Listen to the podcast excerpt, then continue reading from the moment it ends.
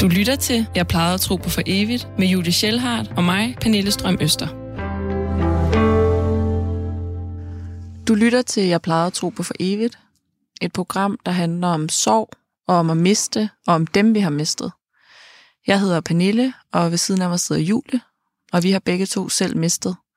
Jeg har mistet min lillebror Jonas i en ulykke, og du, Julie, har mistet din mor Mette til en aneurysma. Mm. Hvert uge så snakker vi med en ny, som har mistet, og i denne her uge er vi i Hinderup, hvor vi snakker med Astrid. Astrid har mistet sin søn Sifred, øh, og Sifred var dødfødt. Ja. Så det er en fortælling om, hvordan det er at dødføde, og hvordan at man som forældre lever videre med sådan et tab. Øhm, Sifred var, var Astrids fjerde barn, øhm, og, og det har været ret sådan, ja, spændende at høre om, hvordan at de formår øh, at have Sifred med i deres liv som en del af deres børn stadigvæk. Øhm, så jeg håber, I vil lytte med den næste times tid. De kommer her. Du lytter til Jeg plejede at tro på for evigt med Julie Schellhardt og mig, Pernille Strøm Øster. Astrid, du har, du har mistet din søn Sigfred, mm. øhm, men på en lidt anderledes måde, end vi ellers har haft i det her program, øh, fordi at Sigfred døde inde i maven, mm. inden han skulle fødes. Ja. Men øh, så det er en meget anderledes sorg, og noget, som øh, Pernille og jeg snakkede om, inden vi tog hen, at noget, der er svært for os lidt at forholde os til, fordi vi er jo ikke mødre, mm. øh, og ved jo slet ikke, hvad det vil sige at gå med et barn i maven. Så vil du ikke bare tage os tilbage til, til 2016? Jo, det vil jeg gerne. Jamen, øh, jeg var højgravid med Sifred, som jeg udtaler med blødt G. Nå, sorry. øhm, og øh, var gået fem dage over termin, hvilket var meget normalt for mig. Jeg havde, jeg havde gået lang tid over med de andre børn også. Og øhm, så har jeg sådan en lidt hektisk dag, hvor jeg skal ordne en masse praktiske ting. Så jeg registrerer ikke, om, øhm, om der sådan er liv i maven, fordi han plejede altid at være livlig om aftenen. Så den her dag, der, var, der gik det bare op i praktiske ting, og være sammen med børnene. Og, ja. og da vi så havde spist aftensmad, så øh, får jeg sådan en mærkelig fornemmelse af, at der er et eller andet, der ikke er, som det skal være. Og min mand er ikke hjemme, så jeg slår det lidt hen, indtil han kommer hjem, hvor jeg siger, jeg er simpelthen nødt til at lige lægge mig, fordi jeg skal finde ud af, hvorfor han ikke sparker. Og jeg kunne altid få ham til at sparke ved at trykke på navlen, og det kunne jeg så ikke den her dag. Øhm, og øh, min mand overtager sig med børnene og begynder at putte dem, og jeg falder bare i søvn. Sådan, jeg tror, det er lidt en chokreaktion måske, fordi et eller andet sted ved jeg godt, at han ikke er i live. Men jeg tør ikke helt at forholde mig til det. Okay, så du kunne godt fornemme, at ja. det var galt. Ja, det kunne jeg. Og jeg har aldrig i de andre graviditeter haft den der fornemmelse af, at jeg skal lige ind og tjekkes, eller der er mindre liv, eller det har jeg aldrig oplevet før. Nej, du havde, du havde tre børn. Ja, jeg har tre børn, ja. eller vi havde tre børn i forvejen på det tidspunkt, ja. Så han var vores fjerde barn. Mm. Øhm, og da min mand så er færdig med at putte børnene, kommer han ud, og, øhm, og han, er, han tager det meget roligt, fordi han tænker, hun er højgravid, og ja, ja, det, alt er fint. Øh, men øh, jeg siger så på et tidspunkt, jeg er simpelthen nødt til at ringe til jordmoren, fordi jeg tror ikke, det er godt det her. Og jeg ringer til hende, og så siger hun, prøv lige at spise noget is, og prøv at lave nogle bevægelser, og alle de der forskellige ting, man kan gøre for at se, om vi kan få ham i bevægelse. Og øh, min mand, han går så ud i fryseren for at hente is, og der tænker jeg bare, jeg kan lige så godt lade være med at spise de is, fordi det vågner han ikke af. Jeg ved, jeg ved det et eller andet sted der, at han er død. Men, øhm, men jeg kunne ikke, altså, jeg turde ikke tro på det nu. Det var ikke sådan rigtig gået op for mig. Men jeg kan huske følelsen af at sidde i sofaen og tænke, øhm, det er slut. Og jeg aner ikke, hvad jeg skal gøre. Så ringer jeg til jordmoren igen og siger, at det, vi, vi vil gerne ind og tjekkes, fordi jeg tror, han er, eller jeg tror, babyen er død. Jeg vidste ikke, han var en dreng. Og øhm, så siger hun, lad os mødes inde på fødestuen nu her klokken 12, tror jeg det var om aftenen. Og vi skulle først lige have fat i en, der kunne passe børnene, fordi det var jo et dumt tidspunkt at køre hjemmefra. Øh, og der kommer en veninde, som er ved børnene, så vi kan køre. Og på vej derind, der tror jeg, at min tarme bobler eller et eller andet, fordi jeg føler, at der er ligesom bevægelse i min mave, så jeg siger, ej, ej, okay, måske er den levende, måske var det mig, der overdrev. Så der kom et eller andet håb der. Ja, det gjorde der. Og det var jo, fordi jeg ikke ville indse det, tror jeg. Mm. Øhm, og så blev vi mødt af vores søde jordmor, som vi kendte forvejen. Og hun startede med at prøve at scanne min mave, og jeg kan sagtens høre, det er min, øh, min puls, hun fanger, at det ikke er en babys puls. Fordi jeg har været gravid så mange gange, så jeg kender godt den der lyd af Ja.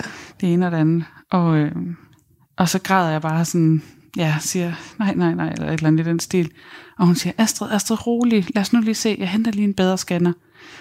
Og så henter hun en anden scanner og en læge, som så prøver at scanne mig. Øhm, og det er åbenbart en uerfaren læge, hvilket jeg var ret sur over bagefter, fordi det burde måske bare have været en, der kunne komme ind og konstatere det med det samme. Og samtidig er det deres dårligste scanner, åbenbart. Så øh, det bliver sådan noget med, at de skal tilkalde en anden læge og en anden scanner. Og så kommer den anden læge, som er en erfaren læge, hun scanner mig, og hun siger, jeg er simpelthen nødt til at have noget bedre apparatur, men jeg må indrømme, det ser ikke for godt ud. Og så skreg jeg bare sådan virkelig, jeg tror jeg bare, jeg råbte nej og græd, og jeg reagerede helt vildt der, fordi jeg vidste jo godt, at det var, ja. at han var død. Jamen, der blev det ligesom sagt højt. Ja. Ja. Og min mand, han, han står bare helt sådan stabilt og kigger mig i øjnene og siger, du skal nok klare det. Vi klarer det sammen. Jeg har dig. Og, sådan. og det var jo selvfølgelig lige, hvad jeg havde brug for, fordi jeg havde, jeg havde sådan en følelse af, at når jeg lukkede øjnene, så hang jeg med det yderste af neglene på sådan en øh, sådan en afgrund. Hvis jeg gav slip, så ville jeg blive sindssyg. Jeg ved ikke, om det giver mening. Det gør det. Og, øhm, og så, var så begyndte jeg sådan at se de andre børn for mig, for at kunne holde mig stærk. Eller sådan tænke, jeg er nødt til at tænke på mine børn. Jeg er nødt til at være stærk. Jeg skal klare det her. Og øhm, så kommer lægen så med den anden scanner, og så, lægger, så kører hun den hen over maven.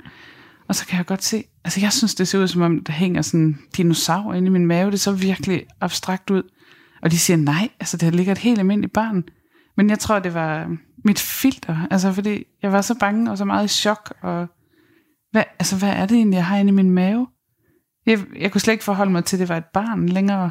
Øhm, og fordi det er jo, altså hele graviditeten har det jo været sådan en udveksling mellem ham og mig, og pludselig var det bare mig, der havde det her inde i maven, som jeg ikke vidste, hvad var. Og så siger hun, jeg er ked af det. Der er ikke noget lille hjerte, der slår længere. Og så, så blev det bare stille. Så var vi sådan, nå, hvad gør vi så? Jeg skulle have født ham hjemme. Så vi fik sådan en hel tanke, skal vi ikke bare tage hjem og føde ham? Kan, altså, vi kan vel godt føde ham hjemme, han er jo død, så der kan jo ikke ske noget. og så gik det lidt, så var sådan nej, nej, det tør jeg da ikke. Tænk, hvis jeg fejler eller andet, og det er derfor, han er syg. Mm. Vi anede jo ikke, eller syg, det var han jo ikke, men derfor han er død. Ja, vi anede jo ikke, hvad der var galt, altså, om der var noget alvorligt, eller om, mm. ja. Så siger jordmoren til os, at øh, hun synes, vi skal tage hjem og sove, og komme igen næste dag og sætte fødslen i gang. Og de vil selvfølgelig gerne bakke os op i de ønsker, vi har, men de synes ikke, hjemmefødsel var en god idé. Og det synes jeg heller ikke selv, da vi kom til at snakke om det. Øhm. Så kører vi bare hjem. Midt om natten. Mørke. Bare sådan helt... What? Hmm. Hvad, hvad sker der? Altså, nu havde jeg, nu havde jeg bare gået, vi havde glædet os i så lang tid, og så pludselig, så var han bare væk. Eller, ja, det var, han var der jo stadigvæk, men han var død. Ja. Og så skal du tilbage på hospitalet Ja, for at føde ham. ja, Er det så dagen efter? ja. Så skal Okay. vi jo prøve at sove der om natten, og det kan jeg overhovedet ikke. Og jeg kan huske, at hver gang min mand han falder hen, og er ved at falde i søvn, så vækker jeg ham, for jeg tør ikke være alene. Mm-mm. Nætterne, de kan jo være utrolig uhyggelige, når man ikke har det godt. Ja. Og jeg lå bare og tænkte, hvad nu hvis jeg pludselig øh, fejler et eller andet alvorligt? Eller tænk, hvis jeg pludselig fik pressevejr, så kunne jeg bare lige føde ham. Det var sådan nogle ja. mærkelige tanker, der hele tiden kom. Jeg fødte den. Jeg vidste stadigvæk ikke, han var der ikke. Øhm, og så om morgenen, så kommer børnene, og så siger min ældste datter, eller vores ældste datter, hvorfor var øh, min veninde der om natten? Ja, det var fordi, vi var inde på sygehuset, og så skulle vi jo så fortælle, hvorfor vi havde været derinde. Det var det værste, jeg nogensinde har prøvet. Altså, Ja. Ja, Hvordan jeg skulle det? fortælle det til dem. ja, at deres, deres kommende lillebror eller lillesøster var død. Mm. For de havde jo også glædet sig. Helt vildt. Øhm, heldigvis så vores søn, han griner sådan lidt og siger, at det er for sjov, mor. og det hjalp faktisk lidt på stemningen, fordi det var bare så tungt. Mm. Og så heldigvis kunne vi, altså, så kunne vi sådan smile lidt og smile til hinanden over, at hvor dejligt, at man kan tænke sådan i sådan en situation. Øh, så må vi jo sige, nej, desværre, det er ikke for sjov. Han er død. Og så ringer vi rundt til, til mine søskende og mine forældre og min mands forældre, og spørger dem, om de vil komme og være ved børnene, fordi dem kunne vi jo selvfølgelig ikke tage os af, når vi også skulle ind og føde. Mm. Og så skal min mand, så de store børn, de vil gerne i skole, selvom vi siger, at vi synes, de skal blive hjemme, men de vil rigtig gerne derover, fordi de har verdens bedste skole. Mm. Og øh, de sødeste lærere, der bare vil passe på dem. Så min mand følger dem derover, og så møder han jo en masse mødre, der tænker, når han er oppe på skolen, så må Astrid jo have født. Så de kommer og spørger, ej, har hun født, har hun født? Så han skal så møde hele verden, der siger, nej, desværre, den er død, og vi skal ind og føde den i dag. Oh, Det var ret voldsomt for det ham. lyder fandme hårdt. Ja. og han klarede det bare så stærkt og sejt. Og det er jo det gode ved, at det ikke var ham, der har båret ham i sin mave. Altså, mm. han, var, han var der ikke helt endnu, sådan, han har ikke rigtig fattet det endnu. Tror jeg ikke. Det siger han i hvert fald selv. Mm. Jeg kunne også se på ham, det først, da han fik ham i sin arme, han kunne se, at det var hans søn. Ja. Det er jo noget andet, når han ikke har mærket ham i ni måneder på samme måde, på samme måde som jeg har. Mm. Ja, så kører vi ind på sygehuset, og øhm, ja, så prøver de at sætte fødslen i gang, og der sker ikke noget, fordi jeg var så bange, og jeg har ikke sovet, og jeg kan overhovedet ikke, jeg kan slet ikke forestille mig at skulle føde ham. Ej, der kan kroppen vel også bare være helt, altså Ja. strid helt imod, Ja. ja. jeg forestiller mig. Jeg kunne ikke skabe de hormoner, der skulle til for at Nej. lave vejer på nogen måder. Og så havde de jo, altså det tror jeg alle sygehus har, sådan et tilbud om at tale med en hospitalspræst. Og det var virkelig godt for os. Ikke fordi vi er religiøse, men fordi det var hele sådan det eksistentielle perspektiv, vi havde op at vende. Det var så nyt. Så der Mm. blev sagt nogle gode ting i den Helt samtale. vildt. Ja. Både på sådan et, ja, et stort, øh, eller hvad skal man sige, et højt flyvende plan, men også på sådan en helt lavpraktisk plan. Hvad gør man egentlig med sådan et dødt barn? Altså, Mm. skal man så holde begravelse?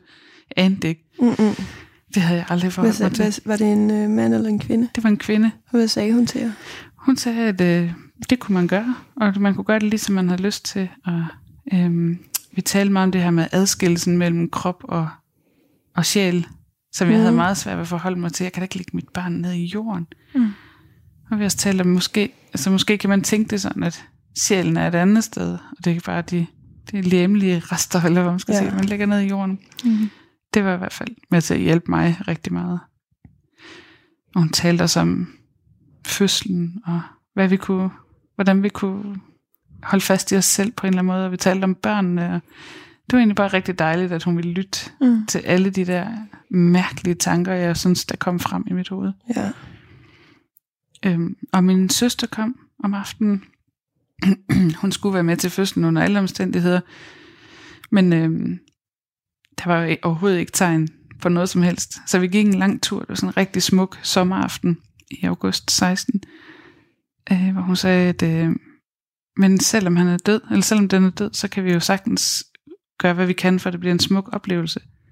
Og det var ligesom det, det var sådan en turning point for mig. Mm. Det var derfor, jeg ikke kunne se det for mig, at jeg skulle føde ham, for jeg kunne ikke forestille mig, at det kunne være smukt, eller jeg kunne Mm, kun forestille nej. mig, at det ville være det værste helvede, jeg nogensinde skulle igennem. Ja.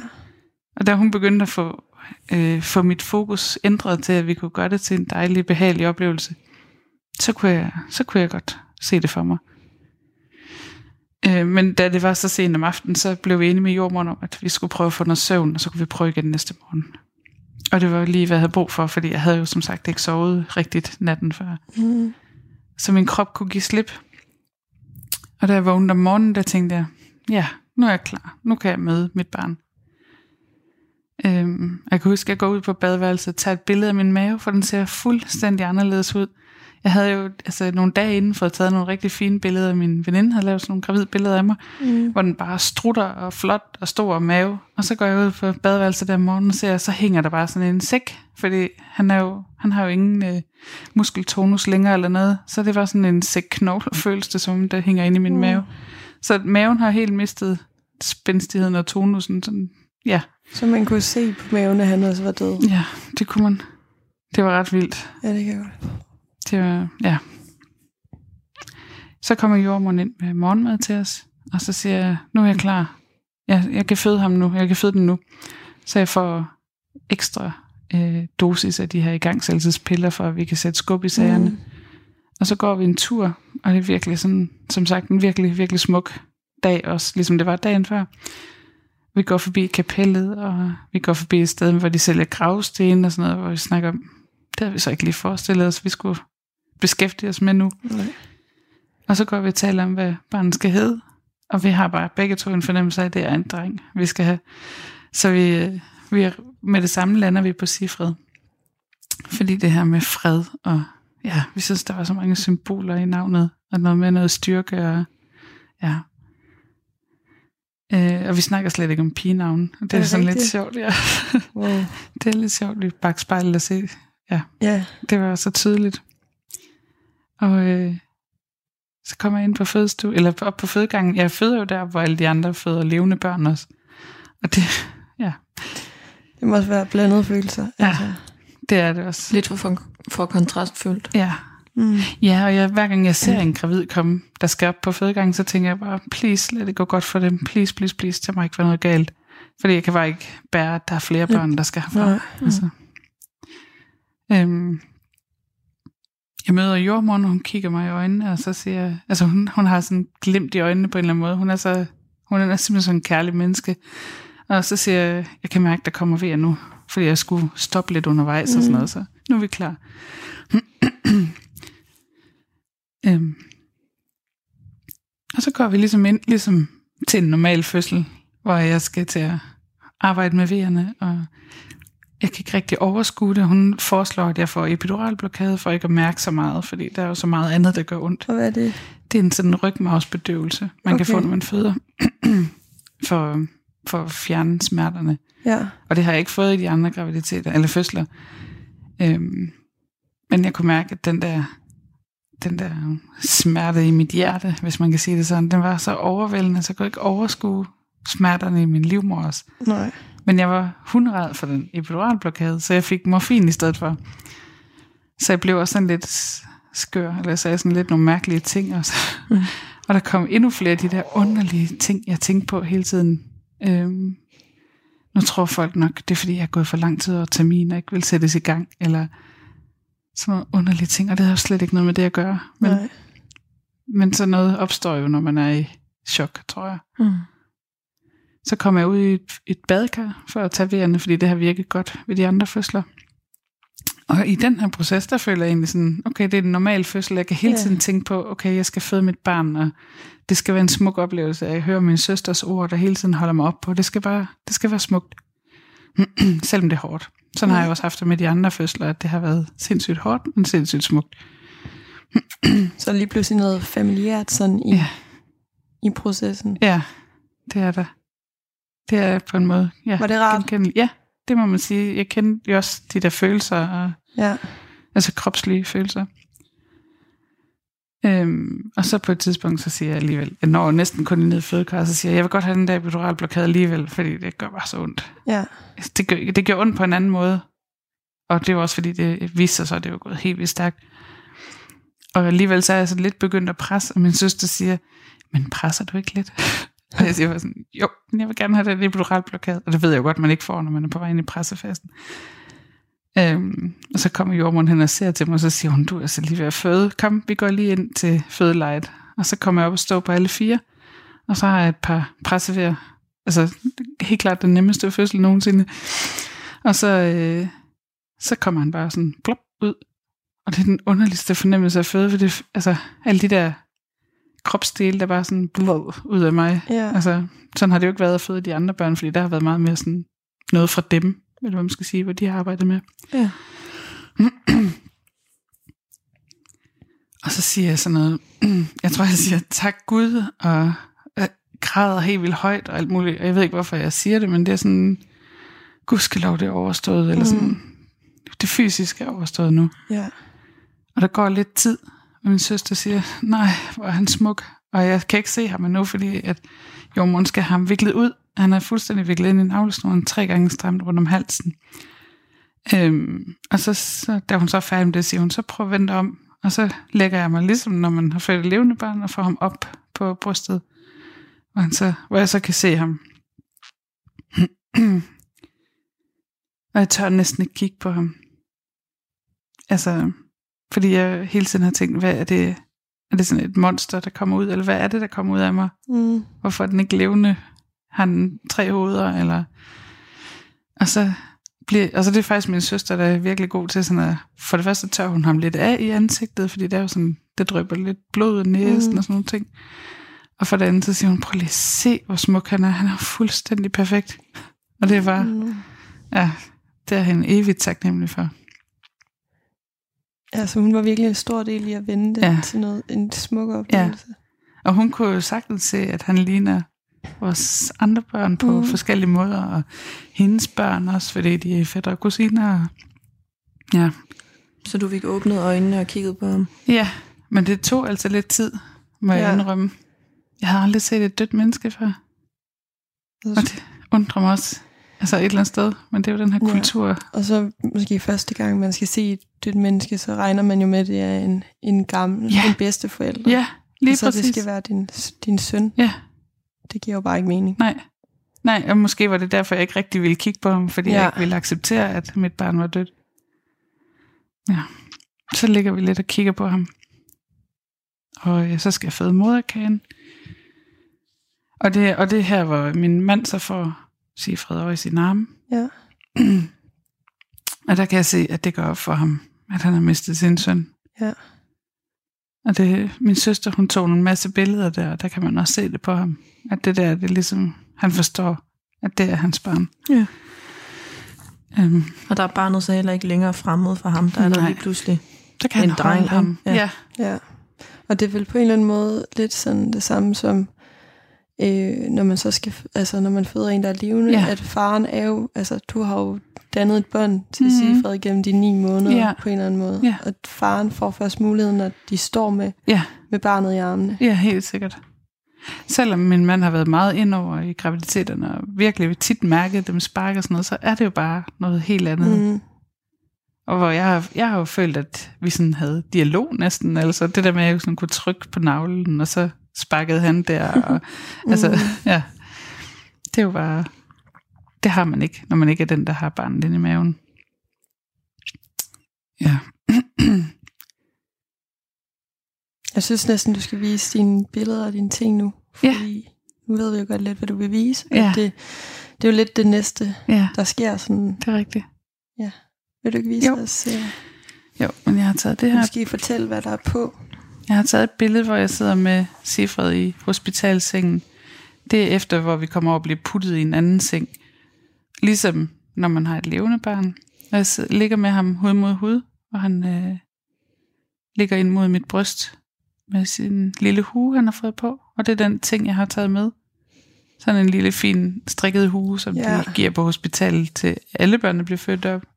Og det, det var rigtig, et rigtig fint symbol for os, at han fik den på. Men det, der så slår mig mest ved det her billede, det er, at jeg synes, sorgen er malet i mit ansigt. Ja. Jeg synes, jeg ser meget anderledes ud, end jeg gør i virkeligheden, eller, eller nu. Eller. Mm. Der er sådan, det trækker sådan enormt meget nedad. Mm. Øhm, øh, sådan striber ned igennem mit ansigt, og man kan bare se sorgen på alle måder. Ja. Og jeg sidder og kigger ned på Sifred og holder om ham, og han ligger i sådan en babydyne fra hospitalet. Øh, Fordi vi havde selvfølgelig ikke noget med derop, andet end til Nej. os selv. Øhm, Og hvordan var det så at gemme den hue på? men det gjorde jordmoren faktisk for os. Ja. Og det var jeg rigtig glad for, fordi øhm, han så lidt medtaget ud. Øhm, på den måde, at de kranieknoglerne, eller kraniepladerne ikke var skubbet ud, og ja, man kunne godt se, at han var død.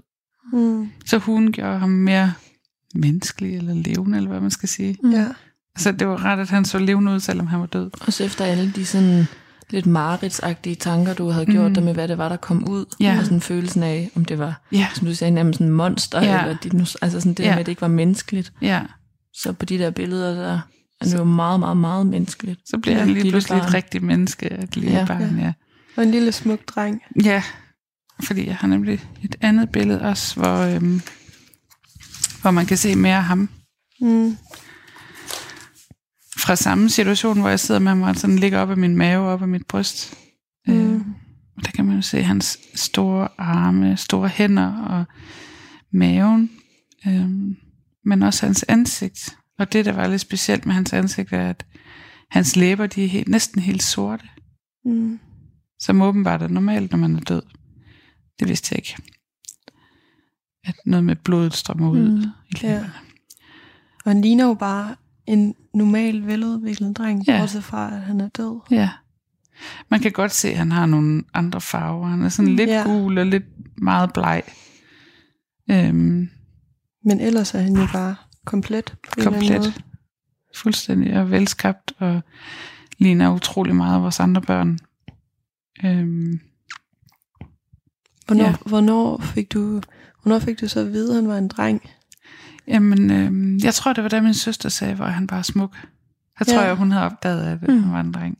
Og så blev den bare bekræftet. Ja. Den, øh, Ja, jamen det overraskede mig overhovedet ikke. nej, det, må, det kan man bare mærke. Ja, Der må være det en eller jeg. anden øh, moderintuition, Ja. som øh, ikke er at tage fejl af. Ja. Jeg har ikke haft det så tydeligt i de andre graviditeter, men Nej. med ham, der var jeg slet ikke i tvivl. Øhm. Men altså, apropos det, så har jeg også haft nogle underlige fornemmelser i den graviditet. Altså, ja. jeg begyndte pludselig at være bange for ting, jeg ikke var bange for. Og, altså, jeg havde sådan en fornemmelse af, at der er et eller andet. det var Ja. anderledes. Ja. Noget, du skulle være på vagt for. Ja, men jeg var ikke klar over, hvad det var heldigvis. Altså, det var jeg glad for, at jeg ikke vidste, at han skulle dø på et eller andet tidspunkt. Men Ja, for guds skyld. Ja, at jeg, kunne, at jeg bare kunne give mig hen og give ham kærlighed hele graviditeten, selvom mm. jeg havde en fornemmelse. Og jeg kan huske, at øh, jeg sagde til jordmoren to dage inden, tre dage inden var jeg til tjek om fredagen, som han dør om mandagen. Og der siger jeg til hende, øh, lyder den mærk hjertet lyder ikke mærkeligt? Og hun siger, nej, det lyder da helt normalt. Jeg kan huske, at jeg sådan, okay, jeg tror på, hvad hun siger, men jeg sy- synes altså, at den lød mærkeligt. Mm. Ja. Og det gjorde den jo ikke. Altså, så ville hun jo have opfanget det, hvis den lød mærkeligt. Ja. Men det var sådan nogle små hints, jeg havde hele graviditeten. Ja. Jeg turde ikke køre på motorvej. Det har jeg aldrig været bange for, hverken før eller siden. okay. Sådan, ja, sådan nogle underlige... Hvor mavefornemmelsen bare sagde, Ja. der er et eller andet her, der ikke er, som det plejer. Ja. Ja, og det var også, jeg kan huske, der var en masse terror den sommer, hvor jeg bare tænkte, gudskelov, vi ikke skal ud og rejse, og jeg skal i hvert fald aldrig ud og flyve igen, og sådan blev virkelig, Ja. virkelig sådan angst for det, og det har jeg heller ikke været før. Nej. Og jeg er heller ikke nu. Men øh, ja, der var en fornemmelse. Hvad skete der så i dagene efter? Øhm, jamen, øh, den her dag, der vælger vi, at, at øh, de to store børn kommer op og ser ham. Og min svigerforældre, mm. og min mor og min niece. Alle dem, der ligesom havde lyst fra familien, kom op og så ham. Og de var 8 og 6, Ja, de to de to ældste. ældste. Ja. ja. Og præsten, hun holder sådan en lille ceremoni. Jeg kan ikke huske, hvad hun kalder det. Men sådan en ceremoni, man holder... Sådan en udsyngning. Ja, det var, det var ikke det, hun kaldte det, men det er nok noget i den dur. Ja. Fordi øh, det, det skulle man, hvis han skulle begraves. Det var sådan en del af det. Men det var rigtig, rigtig fint, at hun gjorde det. Mm. Hun læste et digt op af Tove Ditlevsen, der hedder Til mit døde barn. Det er det hårdeste digt nogensinde. Det er meget barsk. Det er det virkelig. Og det var så rammende. Altså sådan noget med, jeg ville ønske, jeg havde set dine små øjne og sådan nogle, ja. Og var, var det, mens familien var der? Ja. Ja. Ja. Og så øh, kørte vi hjem om aftenen, fordi vi ligesom havde forstået, at han skulle ligge koldt så meget som muligt. Øhm, men også fordi vi gerne ville hjem til de andre børn og kramme dem alt, hvad vi kunne. Mm. Og det er sådan en stjerneklar aften, kan jeg huske. Sådan, ja, men det hele er bare så smukt omkring alt det her. Så vi kører hjem, og øhm, jeg skriver ud på Facebook, hvad der er sket. Jeg havde brug for at melde ud til alle, fordi alle gik jo og ventede på, hvornår jeg er født. Og Mm. Jeg vidste, jeg ville få en masse beskeder de følgende dage. Har du snart født, og hvad sker der? Mm. Skal vi drikke kaffe? Og alt det her, som man mm. gør, når man går over til min tit. Så øh, jeg skrev en lang besked på Facebook om, hvad der er sket. Hvordan føltes det? Det var faktisk rart. Ja. Altså, også fordi jeg har et stort netværk, så det var dejligt at kunne række ud på den måde. Mm. Og det blev også taget virkelig flot imod af alle folk, og vi fik øh, så meget opbakning og hjælp og støtte mm. på alle måder. Fordi jeg tror også, det der, når man tør at være åben omkring det, så tør folk også at byde ind med noget. Ja. Det er der i hvert fald mange, der har sagt efterfølgende. Det er også fordi, vi har tur at lukke folk ind, at det har været hjælp, nemt at hjælpe os. Næste morgen, så øh, kører vi op på sygehuset og henter ham igen. Og der skal vi så hente ham inde på fødestuen også. Og vi kommer gående ind med vores tomme lift, fordi vi gerne vil have ham i vores egen lift. Ja. Og går igennem og møder også højgravide, der skal ind og føde. Og igen, der bare, øh, jeg beder nærmest til, at det skal gå godt for dem. Og så kommer jordmoren ind med ham ind på øh, den stue, vi nu bliver henvist til. Vi har alle børnene med op. Og så skal vi så prøve at putte ham over i liften, og han får sådan nogle kølige elementer under. Og så går vi ud med ham fra sygehuset. Og der kommer også igen gravide, der skal ind ved fødegangen, hvor jeg siger til min mand, ej prøv lige vent liften, de skal ikke kunne se, der ligger et dødt barn ind. Og han er bare helt anderledes sådan, altså det er min søn, det må de da gerne se. Ja. altså det var, det var meget lærerigt for mig. at det skal ikke gemmes væk. Altså, Nej, det kan han, man godt rumme, deres ja. blikke og sådan. Det, ja. Han, ja. Og man kunne jo ikke se, at han var død. Ja. Altså han lå jo puttet ned i dyner, ligesom vi ville have gjort, hvis... Ej, vi ville nok have båret ham på huden, hvis det var mm. et levende barn, men... Ja, så det var ikke, fordi det var så unormalt. Så tog vi ham med hjem, og gik på rundtur i huset. Børnene ville gerne vise ham øh, deres værelser og deres yndlingsting, og vores yngste, hun, var, hun ville ikke dele sit legetøj med nogen, men da hun fik babyen med hjem, så måtte han få alle tingene. Hun lagde alt op i liften til ham. Og, Ej, var det fint. Ja, det var simpelthen så fint. Og vi læste bøger for ham og sang for ham. Og så stod han i kravlegården i liften, mens vi sad og spiste frokost. Altså, det var sådan noget, hvis jeg havde fået det at vide, inden at man kunne gøre sådan, ville jeg bare tænke, nej, det kan man ikke. Ja, så kan det lyde helt bizart ja, måske, ikke? fuldstændig. Ja. Men der Men var det, det bare det, rigtigt. rigtige. Ja. Og børnene var helt naturlige omkring Fuldstændig. det. Ja. Og det tror jeg faktisk var vigtigt også for mm. deres måde at håndtere sorgen på, at det er ikke farligt, eller sådan, vi må gerne, vi må gerne snakke om ham, og vi må ja. gerne lade ham fylde alt det, vi har lyst til. Ja. For det er vores lillebror, vores søn. Mm. Så ja. Det lyder meget fint. Det var rigtig fint. Holdt I så en, øh, en begravelse? Ja, det gjorde vi så øh, halvanden uge efter, tror jeg. Øh, og jeg kunne, ikke, jeg kunne slet ikke rumme, at vi skulle begrave vores eget barn. Hvor jeg forestillede mig sådan noget med ind i kirken og bære en lille øh, kiste og sådan noget. Det, jeg var bare sådan, det kan jeg ikke. Altså, vi må finde på noget andet. Og måske skulle det kun være mig og min mand, tænkte jeg, for jeg kunne heller ikke overskue at rumme andre sorg i det. Mm. Og, Øhm, og så fortalte min mand så, at han har fundet sådan en øh, kurvekiste, der ligner sådan en moseskurve, man kunne få, som, som er en kiste, som han så bestilte hjem og bare det hjalp mig helt vildt meget til sådan, okay, igen, det kan godt være smukt, eller sådan mm. se rart ud. Og, øhm, og så valgte vi med sammen med præsten at holde en udendørs begravelse, hvor hans kiste var stillet ned i hullet, da vi kom. Mm. Og så stod vi rundt om hans lille gravsted. Sådan en lille, ja, også bare en helt vildt varm sommerdag, og der var så mange blomster, og så meget sol, og det var så smukt. Og præsten havde hyret to sanger, der kunne hjælpe os, fordi der var ikke ret mange af os, der kunne synge.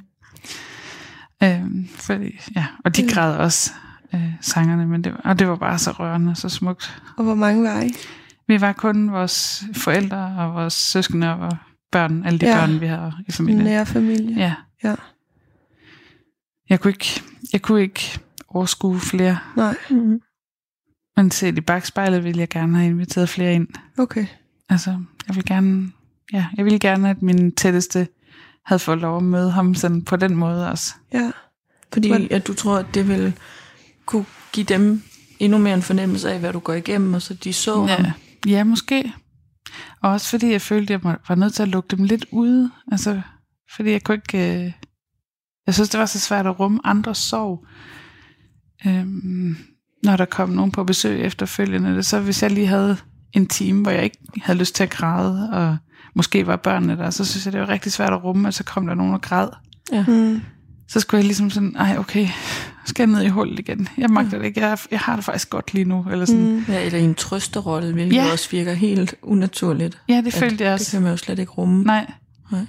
det, det følte jeg faktisk tit, jeg gjorde det der med sådan at, at jamen, jeg kan godt forstå, at du græder. Eller sådan. Mm. Det jo helt skørt, når man tænker tilbage på det. Ja, ja. Det var jo ikke mit ansvar, men ja. Øhm, ja. Hvordan synes du generelt, det har været også i årene efter, i forhold til sådan med din sorg og forståelse mm. for, for ikke nødvendigvis kun de nærmeste, men også bare dem, du møder på din vej? Altså, jeg har nogle gange oplevet, når folk spørger, hvor langt var du henne? Og jeg siger, jeg var lige gået fem dage til min. Nå, okay. Eller sådan, okay, så er det et levende barn. Eller så er det et Og så er det som barn. om, at Ja, hvis du havde mistet midt i graviditeten, så galt det ikke. Eller sådan. Mm. Øh, og det, jeg ved, ikke, jeg ved ikke, hvad det handler om. Jeg tror også, i starten troede jeg også, at det var værre. Det kunne være værre og bedre at miste på forskellige tidspunkter, og det ved jeg jo godt nu. Det er jo fuldstændig underordnet, hvornår man mister øh, altså, Ja. sov og sov. Mm. Øhm, og øh, altså, jeg synes, alle vi mødte i vores dagligdag, både skole og børnehave og alle de her steder, vi kommer, var, har været utrolige til at forstå os og til at vise medfølelse. Og, øhm, ja, vi har aldrig oplevet det der, andre beskriver med, at så går de op på den anden side af vejen. Eller, ikke hvad vi ved i hvert fald. Mm. Men jeg har mistet nogle meget tætte relationer på det. Og det tror jeg handler om, måske at jeg holdt dem uden for, altså at jeg ikke kunne... rumme deres Ja. kederlighed. Ja, Mm. Ja. måske. Mm. Jeg ved det ikke, jeg ved ikke, hvad det handler om. Måske var det måden, jeg var i sorg på, som... Altså, vi var egentlig meget eksplicite omkring det, netop Ja. ved at bruge Facebook. Øhm, det lyder måske også mærkeligt, at man gør det, men det hjalp os helt vildt meget at skrive ud, og skrive, hvor vi var, og hvordan vi havde det, mm. så vi ikke skulle svare på 50 beskeder på, om dagen, for det kunne vi heller ikke overskue. Mm. Mm. Så kunne vi ligesom give sådan en samlet besked. Ja. Men det er, også, det er jo fordi, at man nogle gange så generelt forbinder Facebook med et eller andet overfladisk, mm. men hvis det havde været tilbage for, altså bare for 50 år siden, så havde man øh, samlet nogle mennesker, hvis mm. man boede i en lille landsby eller noget. Nu er det jo bare det, at man gør det. Mm. Så altså, sådan, intentionen er jo den samme, at man gerne vil give en, give en besked ud, så man Ja. ikke skal sige det Ja. hver evig eneste gang, og Ja. så man ikke skal Ja. se de der sådan, når man møder nogen, ligesom din mand gjorde, med de der forventninger, og hvor der er så meget glæde og, Ja. og håb, og så skal man overbringe den nyhed igen Ja. og igen. Ja, Det er næsten ikke til at rumme. Nej, fordi hver gang så var man nødt til at gå ind i sorgen igen, Ja. og det, det kunne jeg ikke. Nej. Jeg var nødt til sådan at give mig selv nogle pauser fra det. Ja. Og min mand, han var rigtig god til sådan at sige, at jeg skulle med ud og aflevere og hente børnene. Øh, jeg skulle altså face det, fordi det var et uoverstigeligt bjerg for mig at skulle ud og møde ver- verden. Altså, mm. Jeg havde egentlig bare lyst til at blive herhjemme og bare være sammen med mine børn. Ja. Men, øh, og det var også svært, fordi alle ville jo gerne kramme og fortælle, at de, havde, de følte med os og sådan noget, men som vi lige snakkede om før, at det, det var ikke altid, jeg lige var det sted, hvor jeg Nej. Havde lyst til at græde, eller, eller rumme, at de havde det. Mm. Altså, ja, faktisk synes jeg jo, jeg havde utrolig meget skyld over, at så mange mennesker græd på grund af mig. Altså, jeg var så ked af, at det var mig, der var skyldig, og så mange mennesker, der var ked af det. Og hvorfor var det dig, der var skyld i det? Var fordi, det var mit barn, der var dødt. Altså, jeg kunne Ja. godt se det nu, at Mm. det, er jo, det er jo helt, Mm. øh, helt forkert, for sådan er det jo ikke, men jeg kunne, ikke, jeg kunne ikke bære, at jeg skulle påføre andre mennesker så meget ulykkelighed, Mm-mm. selvom det ikke var mig, der påførte det. Men det var sådan en, altså jeg tror, det er sådan en gammel, gammel ting, der er forbundet med sorg og døden. Mm. At det kan godt være forbundet med skyld og skam og sådan. Ja. Følte du skam efter, at Sigfrid var død? Mm. Jeg havde i hvert fald lige en periode, hvor jeg tænkte, det, det må være min skyld, og det er fordi, jeg har luet for meget ukrudt i haven, og fordi jeg har spist ost, og fordi jeg har... Altså sådan nogle... Ja. Ja, så på den måde, så, så havde jeg lige nogle, en lille tid, eller hvad man skal sige, hvor jeg skammede mig og troede, det var min egen skyld. Ja. Og kunne du sige det højt? Så for eksempel din mand kunne fortælle Ja. dig, at Ja, var det, det var ja. helt væk. Han kunne godt grine lidt af mig, sådan, Ja. ja. for Mhm. mig til at grine er, okay, nej, okay, det kan jeg også godt se, det er ikke rigtigt. Han lyder helt fantastisk. ja, det er han også. Helt vildt. Jeg, jeg er så taknemmelig for, at det var ham, jeg skulle gå igennem det her med. Ja. Altså, jeg tror, jeg ved ikke. Jeg kunne ikke forestille mig, at det kunne have været med nogen andre selvfølgelig, fordi det er ham, der er min Mm. mand. Men også, altså, at han har, kunne, han har simpelthen kunne bære mig igennem det. Ja. Det er ret vildt, at han kan det, når han også skal rumme sin egen sorg. Mm. Og det er ham, der ligesom har taget de der beslutninger, som jeg ikke kunne tage. Ja. Hvordan, øhm, nu har du fået Dagmar, Mm. som er et halvt år. Ja, lidt over et år. Lidt over et år. Ja. ja. Øh, og hvordan var det at blive gravid igen? Ja, det var svært. Og hvordan, hvordan tog I valget? Eller Ja. sådan, Vi vidste hele tiden, at vi gerne ville have et barn mere. ja, Egentlig skulle vi slet ikke have haft Sifred, okay. hvis man kan sige det sådan. Fordi vi havde, efter vi havde fået nummer tre, blev vi enige om, at vi skulle ikke have flere børn. Nej. Og så var det, så havde jeg bare sådan en fornemmelse af, at vi skal have et barn mere. Mm. Og det havde min mand åbenbart også, men vi havde ikke sådan lige fået snakket om det sammen. Og så kom vi til at snakke om det en dag, og så, blev, så var vi bare helt enige med det samme. Nå. Og jeg blev gravid i løbet af 0,5, og det har jeg ikke gjort med de andre. Eller sådan, Mm. ja, det ved jeg ikke, det virker bare som om, at det var bare meningen, det her det skulle ske. Så det kom også på den måde lidt bag på mig, at han så ikke overlevede den.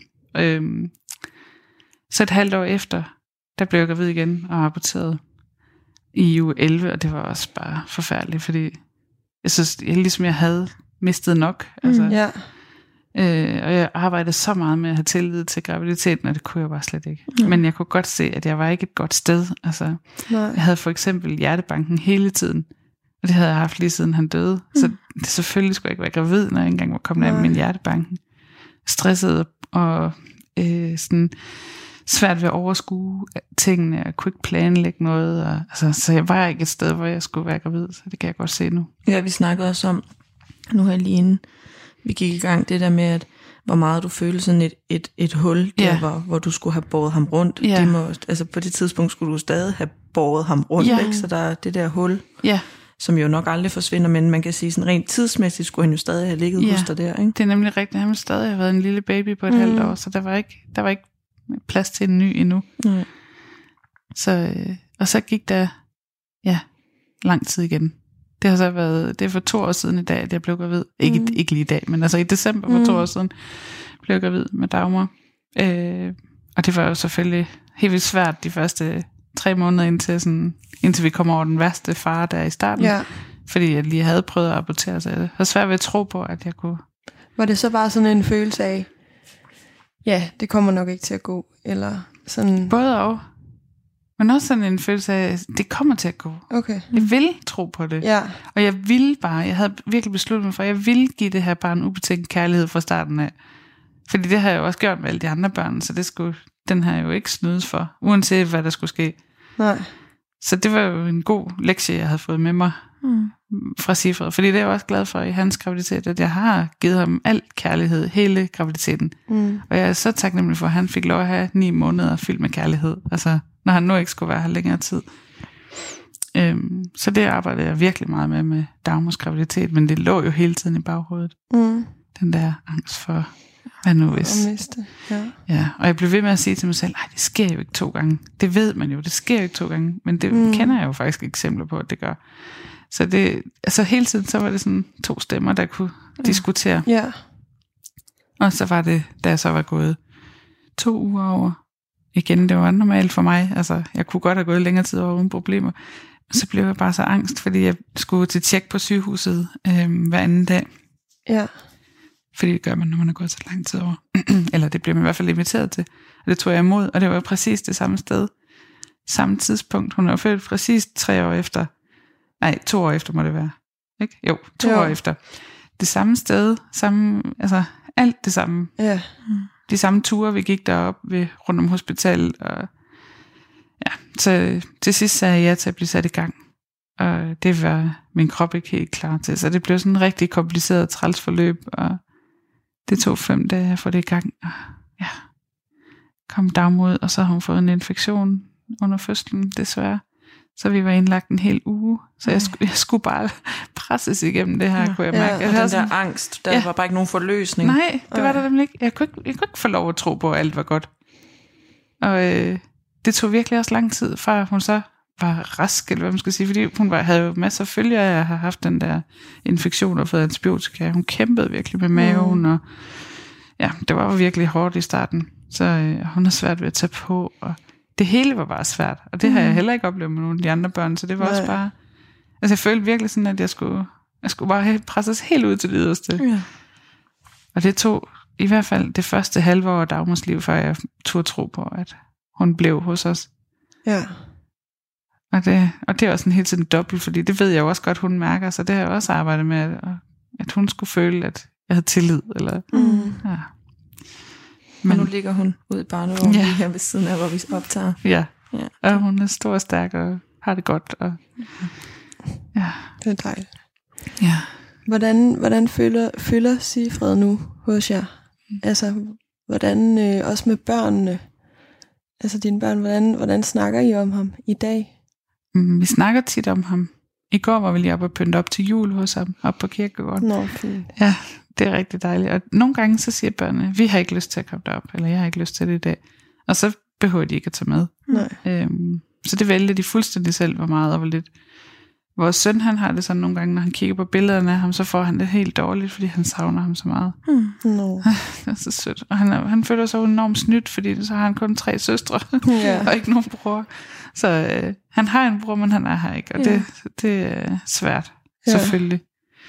Øhm, og han, øh, han fylder på den måde, vi har vi snakker altid med ham. Vi siger, at vi har fem børn, Ja. øh, og det er kun de fire, vi har hos os. Ja. Øhm, eller kun, ja. Øhm, vi har sådan en lille alter-agtig. Det er ja, ikke det et så vi alter, lige, da men, vi gik ind. ja, jeg ved ikke, hvad vi skal kalde det, men øh, sådan det kan vi godt kalde Vi det. kom frem til alt, der nok var det. Ja, Ja. med sine ord. Ja. En lille hylde, hvor vi har hans ting og nogle billeder Mhm. og sådan noget. Øhm, jeg har ham altid i en halskæde rundt om halsen. Et lille hjerte med et Mm. billede af ham. Mm. Og, men i dag kan vi selv vælge sådan nogenlunde, hvornår vi går ind i sorgen, og hvornår vi ikke gør. Ja. Jeg kan nogenlunde styre det. Det kunne jeg jo ikke i starten. Nej. Jeg kan godt mærke, at der er dage, hvor jeg ikke, hvor jeg ikke overgår det, fordi så bliver det for tungt. Og så er der dage, hvor jeg bare er sindssygt ked af det, hvor jeg slet ikke kan styre det. Men øh, for det meste kan jeg styre det. Ja. Øh, der er nogle ting, der lige kan trigge sorgen, men øh, jeg, jeg har stadigvæk lidt svært ved at forstå, at det kan fylde så meget nogle gange. Ja. Hvorfor?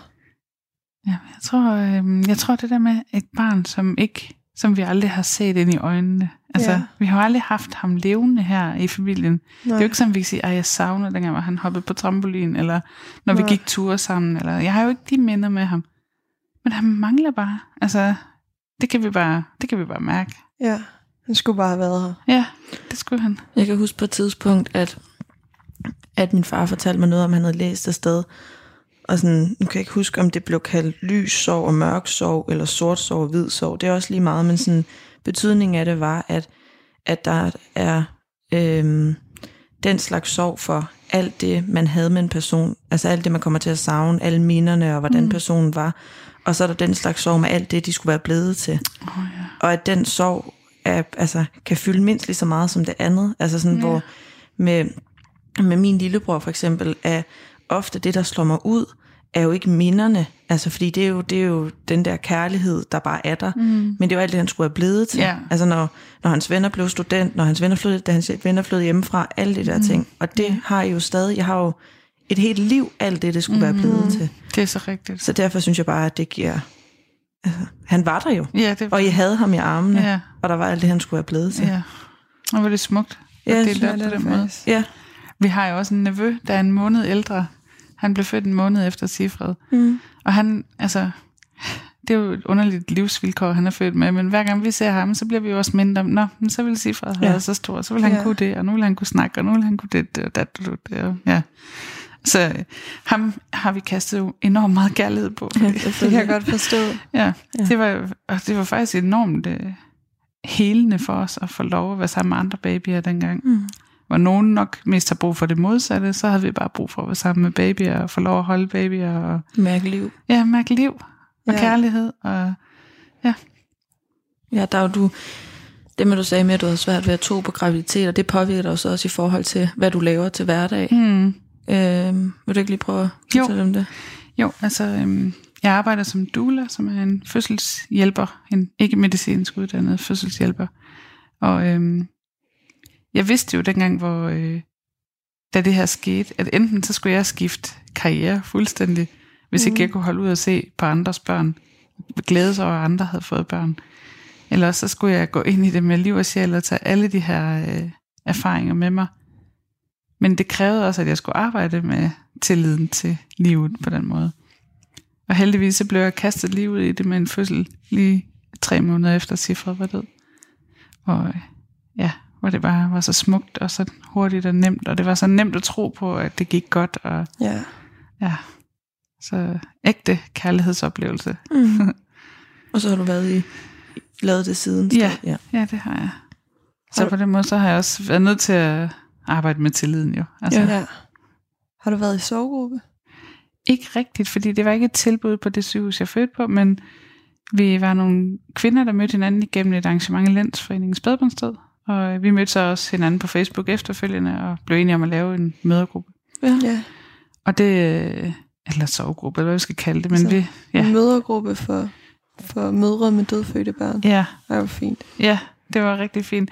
Vi havde alle sammen mistet omkring det tidspunkt, da vi mødtes, men der var også en, der havde mistet to år før, som også var med, og det var virkelig godt for gruppen også at opleve sådan det der, gud, man kan også, man kan også leve om to år, Ja, eller ja. sådan, Lige lidt længere fremme ja, på en eller anden måde. det var ja. lidt svært at tro på på det tidspunkt, Ja. ja. at der egentlig er en fremtid, fordi uh, det kan jo godt æde en op nogle dage, Mm. men uh, man kan godt komme igennem det værste, eller hvad man skal sige, Mm. og lære at leve med det. Ja. Jeg synes, vi har fået det placeret et godt sted. Øhm, og det har helt klart også været en hjælp at have dem. At have, have nogen, der bare forstår en.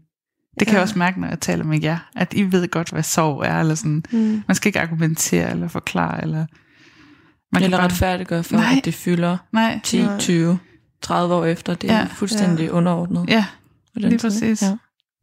så det er guld værd. Ja. Du sagde, øhm, ja, her til sidst vil jeg jo gerne høre, sådan, hvad, hvad, vil du, hvad kunne du sige til andre, der står i samme situation?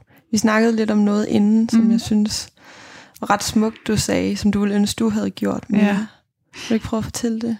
Jeg ville ønske, at jeg havde taget ham meget mere op til mig, og holdt ja. ham meget tættere til mig, båret ham noget mere.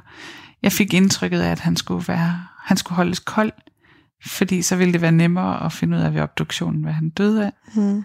Øhm, men det ville jo ikke have ændret noget, hvis jeg havde holdt ham øh, meget mere. Altså, jeg har det også sådan i dag, jeg vil give alt for bare for fem minutter mere, der hvor også at kigge på ham med al den kærlighed, jeg mærker. Fordi Ja. jeg havde det der lille, det der filter, der ligesom beskyttede mig dengang, hvor jeg ikke helt turde at se, hvor smuk han var, og hvor dejlig han var. Så ville jeg bare holde ham meget mere ind til mig, og Ja. ja. udfylde det der hul, som jeg har følt, at jeg har haft i lang tid efter. Ja, hvor han skulle have ligget. Ja, på brystkassen. Det lød ret fint. Ja, Og I, du har jo også øh, billederne, du, du viste os af fra sådan en mappe, I har med billeder af Sifred, mm. som er ret fint. Jeg tænker, det må være rart at have at se tilbage på, ja på en eller anden måde. det er Kigger du på den, når du er ked af det? Ja. Sådan på de dårlige dage? Ja. ja, og det er jo sådan, det er jo også sådan et, en afvejning, de dårlige dage, ikke? Jo, Kan jeg, kan jeg åbne det? Mm. Eller, eller er, det, er det det, jeg har brug for? Fordi nogle gange så hober det sig op, og så har jeg virkelig brug for det, at græde Mm. og tænke og bare give mig hen til sorgen. Det kommer jo stadigvæk dage, hvor ja, og det er bare overvældende. Ja. Og så kan jeg mærke nogle dage, ej, jeg magter det ikke i dag. Og så lader jeg albumet stå. ja. Men øh, vi bruger det sådan, vi bruger det også terapeutisk. ja. Men det kan jo nemlig godt være sådan nogle, jeg ved ikke, om man kan kalde det trigger point, Jo. men hvis man har en dårlig dag, og så gå ind og så sige, nu skruer jeg lige helt op for soveknappen, fordi Ja. jeg har brug for at være ked af det. Ja, ja, Sådan i det. ja nemlig. Vi har også klistret alle kortene i fra alle de der øh, utrolig mange mennesker, der sendte os blomster og breve og Mm. ting og sager og ja. så videre. Alle kortene er der i, og det er simpelthen så utroligt jamen, ubeskriveligt at læse alle de kort, Mm. og tænke på alle de mennesker, der har os med, eller sådan, Al den kærlighed. al den kærlighed, det ja. Er så vildt. Altså noget så forfærdeligt kan udløse så, noget så utroligt smukt. Mm.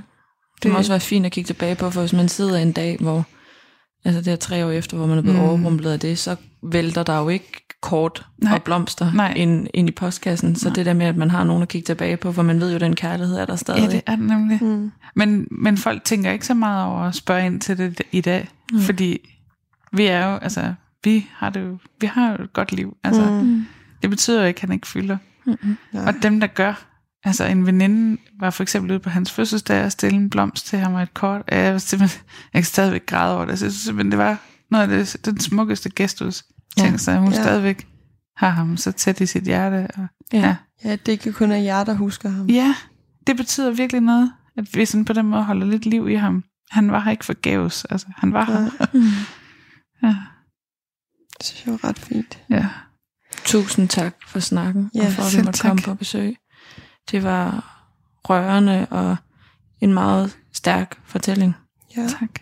Det var rigtig godt at snakke med dig. I Tak, måde. Tak fordi I ville høre om Sifred. Det vil Selvfølgelig. Programmet er produceret for Radio 4 af Lyd og Ko i samarbejde med Landsforeningen Liv og Død.